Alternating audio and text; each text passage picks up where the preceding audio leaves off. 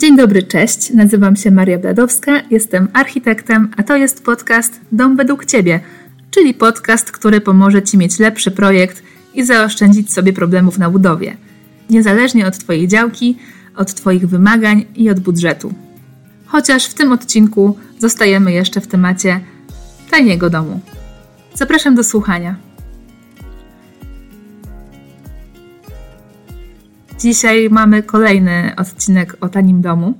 Tym razem będzie o rozwiązaniach projektowych, dzięki którym będzie taniej. I od razu na wstępie zaznaczę, że widziałam już w internecie wiele takich wskazówek i też część z nich tutaj się powtórzy, ale opowiem Ci o tym od strony projektanta, dlatego że Najczęściej w internecie to się pojawia od strony wykonawców i inwestorów, przynajmniej z tego, co ja y, obserwuję. A różnica jest taka, że projektant jest zawsze mm, na tym etapie, gdzie jest dużo możliwości i też dużo rozwiązań dla jednego problemu. Inwestor oczywiście też, ale od troszeczkę innej strony. Także mm, też jako projektant wiem, że nie zawsze wybór tej naj, najtańszej opcji sprawi, że będzie lepiej dla ciebie. Czasami wybór tej trochę droższej, e, wcale nie od razu najdroższej, oczywiście, sprawdzi się po prostu u ciebie o wiele lepiej, a nie utopisz swojej inwestycji. W którymś miejscu być może ją podrożając, ale też niekoniecznie. I te internetowe rady zazwyczaj e, to są takie. Jak najprostsza bryła, dwuspadowy dach, nie rób balkonów, jakichś tarasów na piętrze. E, nie rób piwnicy, nie rób garażu. Na elewacjach stosuj tylko tynk, żadnych, od, e, żadnych okładzin itd. Tak Czyli w skrócie, e, im mniej, tym taniej. Jest to logiczne, ze wszystkim się zgadzam i ty pewnie też. Jest to proste do zrozumienia i proste do zapamiętania i właściwie można tylko spisać sobie w formie listy, czego nie robić i wtedy na pewno będzie taniej. A ja w tym odcinku trochę to skomplikuję, ale po to, żebyście oprócz suchej wiedzy też mogli sobie wyrobić opinię. E, I po prostu trochę więcej o tym opowiem od tej właśnie mojej strony e, projektowej. Od strony projektowej e, to wygląda tak, że jak zaczynamy projektowanie, no to musimy znać wymagania inwestora. Jakie to mogą być wymagania to może być na przykład otwarta kuchnia, e, tak w uproszczeniu oczywiście mówię. E, otwarta kuchnia, ile mniej więcej pokojów by zakładał, jaki chce garaż i tak dalej. I każde z tych wymagań ogranicza projekt. Oczywiście. I to jest bardzo dobrze, dlatego że dzięki temu wiadomo, jak projektować, w którą iść stronę. I tak samo jednym z takich wymagań inwestora jest budżet. Podanie przez inwestora konkretnego budżetu to jest takie samo wymaganie jak każde inne wymaganie inwestora. Tak samo jak każdy inny ogranicza projekt. I przy projekcie indywidualnym podanie niskiego budżetu na budowę podniesie cenę za metr kwadratowy projektu. E, zazwyczaj po prostu pracownie wyceniają projekt od metra kwadratowego i taki projekt y, mniejszego domu, tańszego domu y, będzie droższy, jeżeli rzeczywiście projektant zamierza optymalizować ten projekt. Żeby było taniej, to trzeba zoptymalizować projekt, a to po prostu zajmuje dużo więcej czasu projektantowi. Z tego powodu większość pracowni standardowo nie optymalizuje projektów, dlatego że większość pracowni konkuruje ze sobą ceną.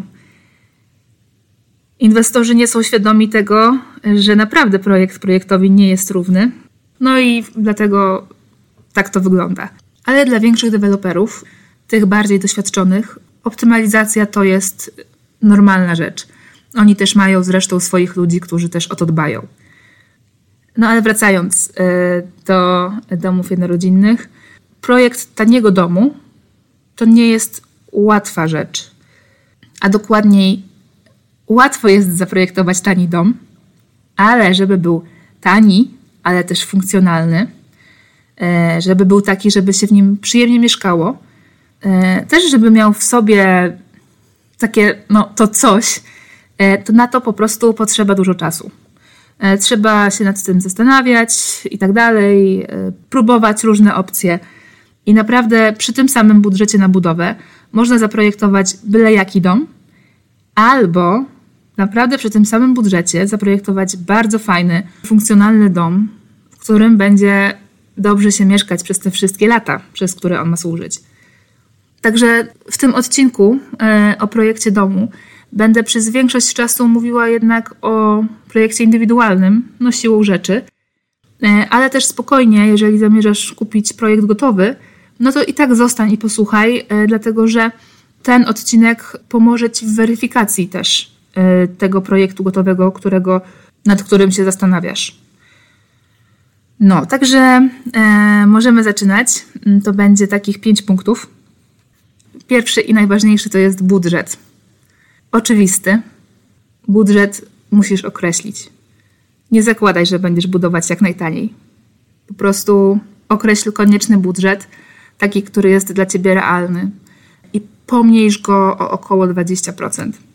I po prostu celuj, tak żeby się zmieścić w tych 80% swojego budżetu, a 20% to zapas, taki na wszelki wypadek. Jakby jednak coś się zmieniło, jakby coś zdrożało, albo coś poszło ci niezgodnie z planem. Generalnie przekroczony budżet to jest zmora większości inwestorów. E, wręcz można powiedzieć, że to jest norma, a nie powinno tak być. E, także lepiej jest założyć, że będziesz jednak wśród tej większości i po prostu przyjemnie się zdziwić później, e, niż mieć problemy z niedokończoną budową. Oczywiście mm, doświadczeni inwestorzy, właśnie deweloperzy, często budują nawet taniej niż im wychodziło z kosztorysu, ale w przypadku domów jednorodzinnych e, zbudowanie domu taniej e, zdarza się, ale przede wszystkim przy dużej świadomości inwestorów, też przy dobrym planowaniu. W innym wypadku jest trudno. No i właśnie, mimo że określisz budżet, e, to tak jest już po prostu z budową domu, że chociaż ten budżet naprawdę trzeba określić, to on zawsze będzie orientacyjny. E, kosztorys inwestorski, który się robi, też jest zawsze orientacyjny. I naprawdę ostatecznie może wyjść taniej, może wyjść drożej.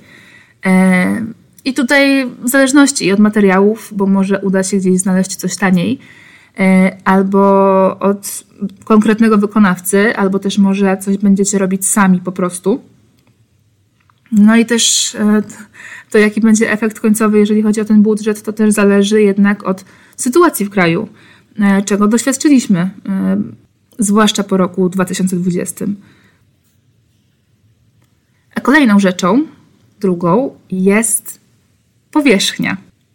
Oczywista oczywistość, tak czy siak pierwszą rzeczą, nad którą się zastanowić, jeżeli chodzi o projekt e, i o Wasze potrzeby jako domowników, to jest właśnie powierzchnia zastanowić się nad tym, czego byście chcieli, czego potrzebujecie i w następnej kolejności wyeliminować te zbędne rzeczy e, i też te, do których macie wątpliwości, e, czy się Wam przydadzą. E, czyli po prostu chodzi o rezygnację z niektórych funkcjonalności, no i niektórych miejsc w domu. Po prostu tutaj chodzi o cięcie kosztów na powierzchni domu. To jest oczywiście pierwsza i podstawowa rzecz, Wiadomo, każdy zastanawia się, na jakiej wielkości dom mnie stać. E, to, o czym warto pamiętać, to, że im mniejszy jest dom, tym metr kwadratowy tego domu jest droższy, e, dlatego że po prostu niektóre koszty budowy są stałe. Ale to też nie ma większego znaczenia, dlatego że im mniejszy będzie dom, tym i tak będzie tańszy.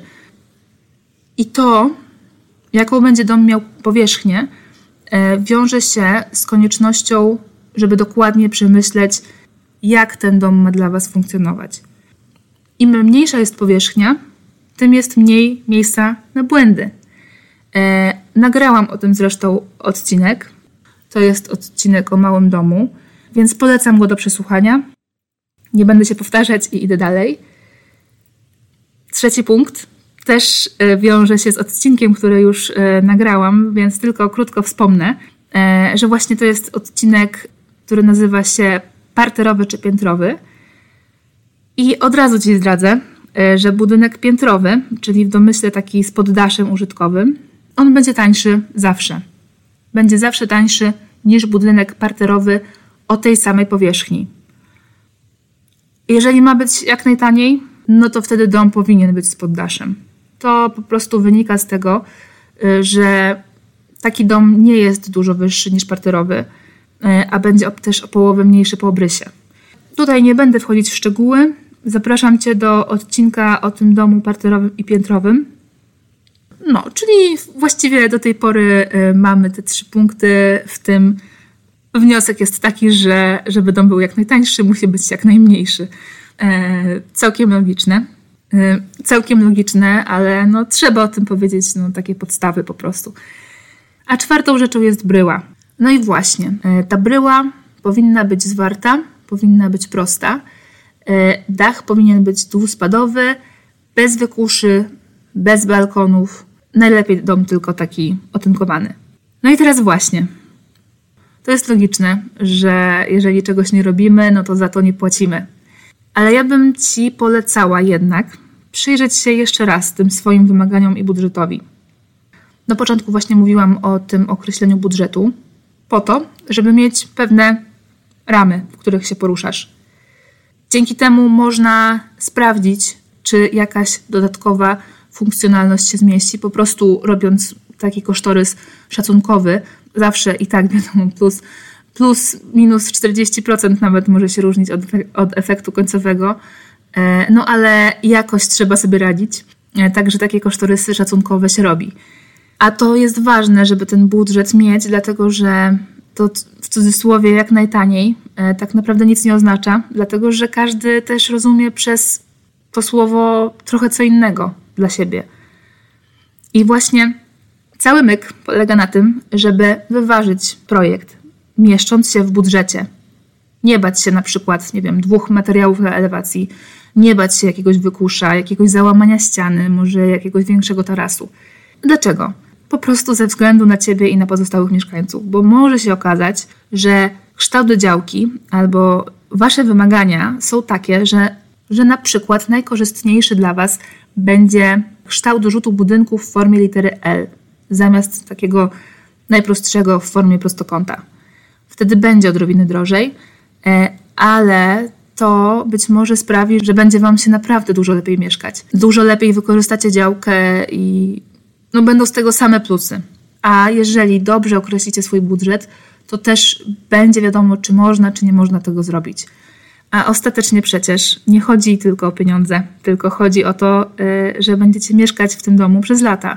Chodzi o wasz komfort. I powiem szczerze, że nie wiem jak tobie, ale mi na przykład jakoś nigdy nie zdarzyło się, e, żebym żałowała jakiegoś nadprogramowego wydania pieniędzy e, na coś, co było dobrej jakości. A przeciwnie, zdarzyło mi się wiele razy, że żałowałam, że kupiłam coś, co było najtańsze i szybko się psuło, albo też ciężko się tych rzeczy używało. Także to, co mam na myśli, to jest to wyważenie taka otwartość na rozwiązania, które są wymieniane jako te, z których się powinno zrezygnować, jeżeli chce się budować tanio. A ja ci mówię, poczekaj, najpierw określ swój budżet. Dlatego, że naprawdę tani dla każdego znaczy coś innego. A jeżeli tak się zdarzy, że projektant ci zaproponuje coś dodatkowego yy, z tej listy w cudzysłowie rzeczy zakazanych, to nie wiem, to może być jakiś bardziej skomplikowany dach, albo ten wykusz, albo jakaś taka inna wystająca część budynku, to jeżeli to Ci się spodoba, no to zweryfikuj jeszcze raz ten swój budżet. E, tutaj nie chodzi o to, żeby nagle szaleć i przepłacać, skoro masz mały budżet, ale zwyczajnie może się okazać, że warto jest odłożyć na przykład zakup swojej wymarzonej narożnej sofy, e, albo też nie wykańczać na razie jednej z łazienek, i po prostu poczekać kilka miesięcy, dlatego że to ci się opłaci w dłuższym terminie, bo po prostu wasza codzienność na tym zyska, że dom będzie miał na przykład ten taki kształt bardziej skomplikowany i dzięki temu bardziej skomplikowanemu kształtowi będzie wam się dużo przyjemniej siedziało na tarasie, e, albo na przykład będzie lepiej widoczny jakiś super widok za oknem. Dlatego, że każdą sofę można wymienić i tak samo można skuć kafle w łazience, e, ale zmiana bryły domu to już jest naprawdę przedsięwzięcie, które się nie opłaca. Dlatego zachęcam Cię do tego, żeby w planowaniu domu postępować zgodnie z tą zasadą od ogółu do szczegółu.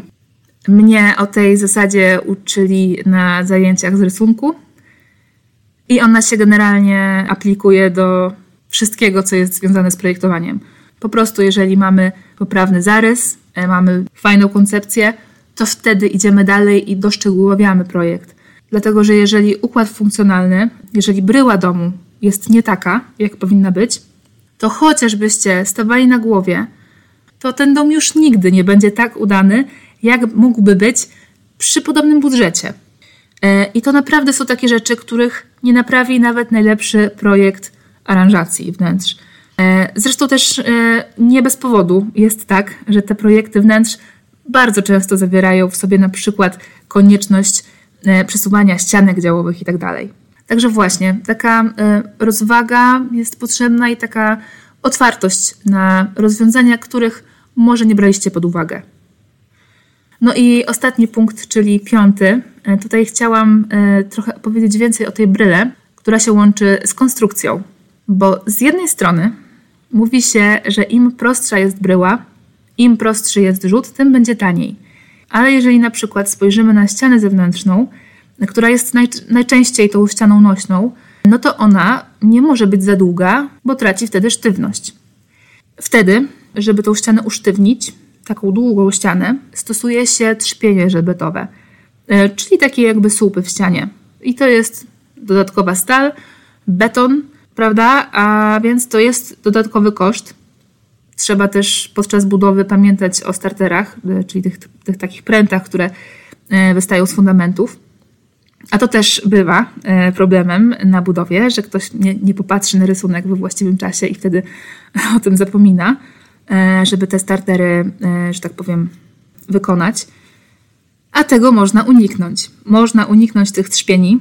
Raz, że właśnie pieniądze, dwa, że e, trochę komplikacje na budowie. Można tego uniknąć, jeżeli ściana na przykład zakręca. Czyli jest takie jakieś załamanie na, na budynku, albo też do, do tej ściany dochodzi jakaś inna ściana nośna, bo wtedy po prostu można murować ściany i nie zastanawiać się, czy tam powinien być jakiś słup w tej ścianie. Po prostu jest to dużo łatwiejsze. I jest to też tańsze. E, a takie trzpienie żelbetowe, w zależności od projektu, w zależności też od materiału, z którego jest ściana, e, to takie trzpienie są potrzebne przy prostej ścianie tak co, przy prostej ścianie tak co 5-6 metrów. Co jeszcze? E, dobrą opcją jest zastąpienie stropu żelbetowego takim prefabrykowanym drewnianym e, wiązarem dachowym. E, o tym już chyba gdzieś wspominałam w którymś odcinku, chyba w tym odcinku właśnie parterowy czy piętrowy.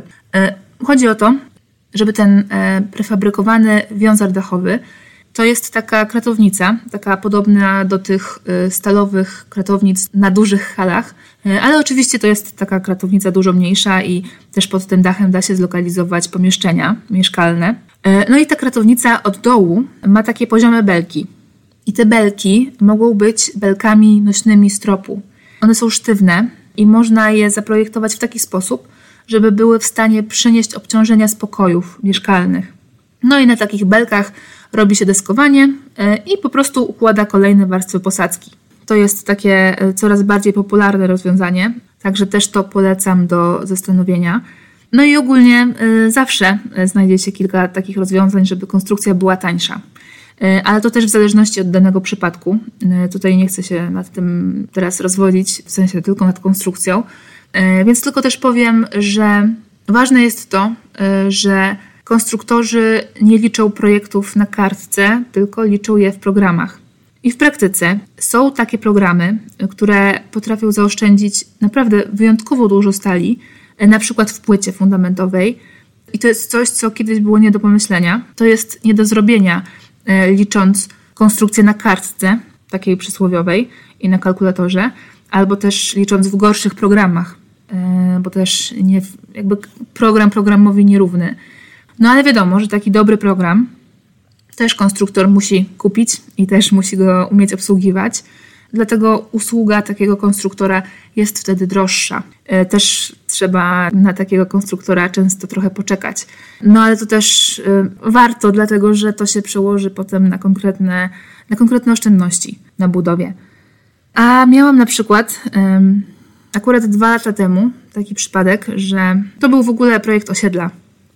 To były budynki wielorodzinne e, w takim mieście pod Warszawą i inwestor, deweloper, e, już zresztą z doświadczeniem, e, chciał tam zaoszczędzić i nie skorzystał z tego, że tak powiem, konstruktora, którego oferowało biuro architektoniczne, z którym zawiązał, zawiązał współpracę, ale miał swojego konstruktora, właśnie z tego miasta, w którym budował, który, no, nazwijmy to, miał dobre ceny. E, tak to się mówi, e, dobra cena. I ja e, dołączyłam do tego projektu. Ja dołączyłam do tego projektu, jak był już wtedy budowany pierwszy budynek. I ja już pomijam ten fakt, że ten konstruktor bardzo zawalał terminy. Był naprawdę z tym duży problem, ale też, też oprócz tego właśnie liczył konstrukcję na kartce, autentycznie na kartce. To był taki konstruktor starej daty już. Być może miał dużą wiedzę, ale to naprawdę była tragedia. E, dlatego, że ja co prawda nie jeździłam na tą budowę, ale miałam e, stały kontakt z kierownikiem tej budowy. No i ten kierownik mi wysyłał zdjęcia tego budynku. No te, ten budynek po prostu, e, on wyglądał jak bunkier. Tam, tam było napchane tyle stali, że można by pomyśleć, że ten konstruktor ma po prostu jakąś prowizję od sprzedaży tej stali. Naprawdę, naprawdę zbrojenie na przykład stropów filigran po którym zazwyczaj po prostu chodzi się trochę jak po takiej trampolinie. Jest takie, no ugina się. Tam się w ogóle nie uginało. Tam było go za dużo tego zbrojenia po prostu. E, pręty były większe niż potrzeba. Nie wiem, było tego gęściej. To, no to, to, to była tragedia, a to był akurat ten czas, kiedy ceny stali wzrosły. E, tam chyba do 12 tysięcy za tonę, albo, albo nawet więcej. Był taki moment. Także to, ile tamten deweloper stracił na, na tej konstrukcji, na której chciał teoretycznie zaoszczędzić, e, wolę nie myśleć. Przy następnych budynkach już, już nie korzystał e, z usług tego konstruktora, już zmienił tego konstruktora na tego, którego e, proponowało to biuro, dla którego wtedy pracowałam. I no, być może dla przyszłych mieszkańców tego budynku jest bezpieczniej mieszkać tak jak w bunkrze, ale to też chyba nie o to chodzi, nie? Naprawdę trzeba uważać, bo słabych projektów jest wiele, wiele. E, no i to tyle. E, chciałabym jeszcze o kilku rzeczach powiedzieć, mm, ale to też już by było za długo w tym odcinku, dlatego zrobię jeszcze jeden odcinek o tanim domu. Po prostu jest jeszcze kilka takich kwestii, które mm, są ważne do poruszenia w tym temacie. Także na ten moment kończę. E, do usłyszenia za tydzień, mam nadzieję. Kolejny odcinek będzie wciąż o tanim domu, także jeżeli ten temat Cię interesuje, to zasubskrybuj ten podcast, dlatego że, że wtedy nie przegapisz kolejnego odcinka. A jeżeli masz pytania, no to napisz do mnie, zapraszam na adres e, dom według Ciebie małpa.gmail.com e, albo też na Instagramie dom według Ciebie. Odpowiem, obiecuję na każde pytanie dotyczące podcastu. Na ten moment żegnam się i mam nadzieję do usłyszenia za tydzień. I jeszcze jedna rzecz. E, to, co warto, e, żebyście zapamiętali z tego odcinka, to jest właśnie to, żeby e, określić ten budżet. Żeby pamiętać o tym, że, że to nie jest kwestia, co jest najtańsze, tylko że to jest kwestia planu, rozłożenia sił i tego, żeby całość inwestycji po prostu się spięła a żeby nie rezygnować z jakichś konkretnych elementów tylko dlatego, że gdzieś było napisane, żeby lepiej tego nie robić. No, także tylko tyle chciałam dodać yy, i pozdrawiam. Do usłyszenia.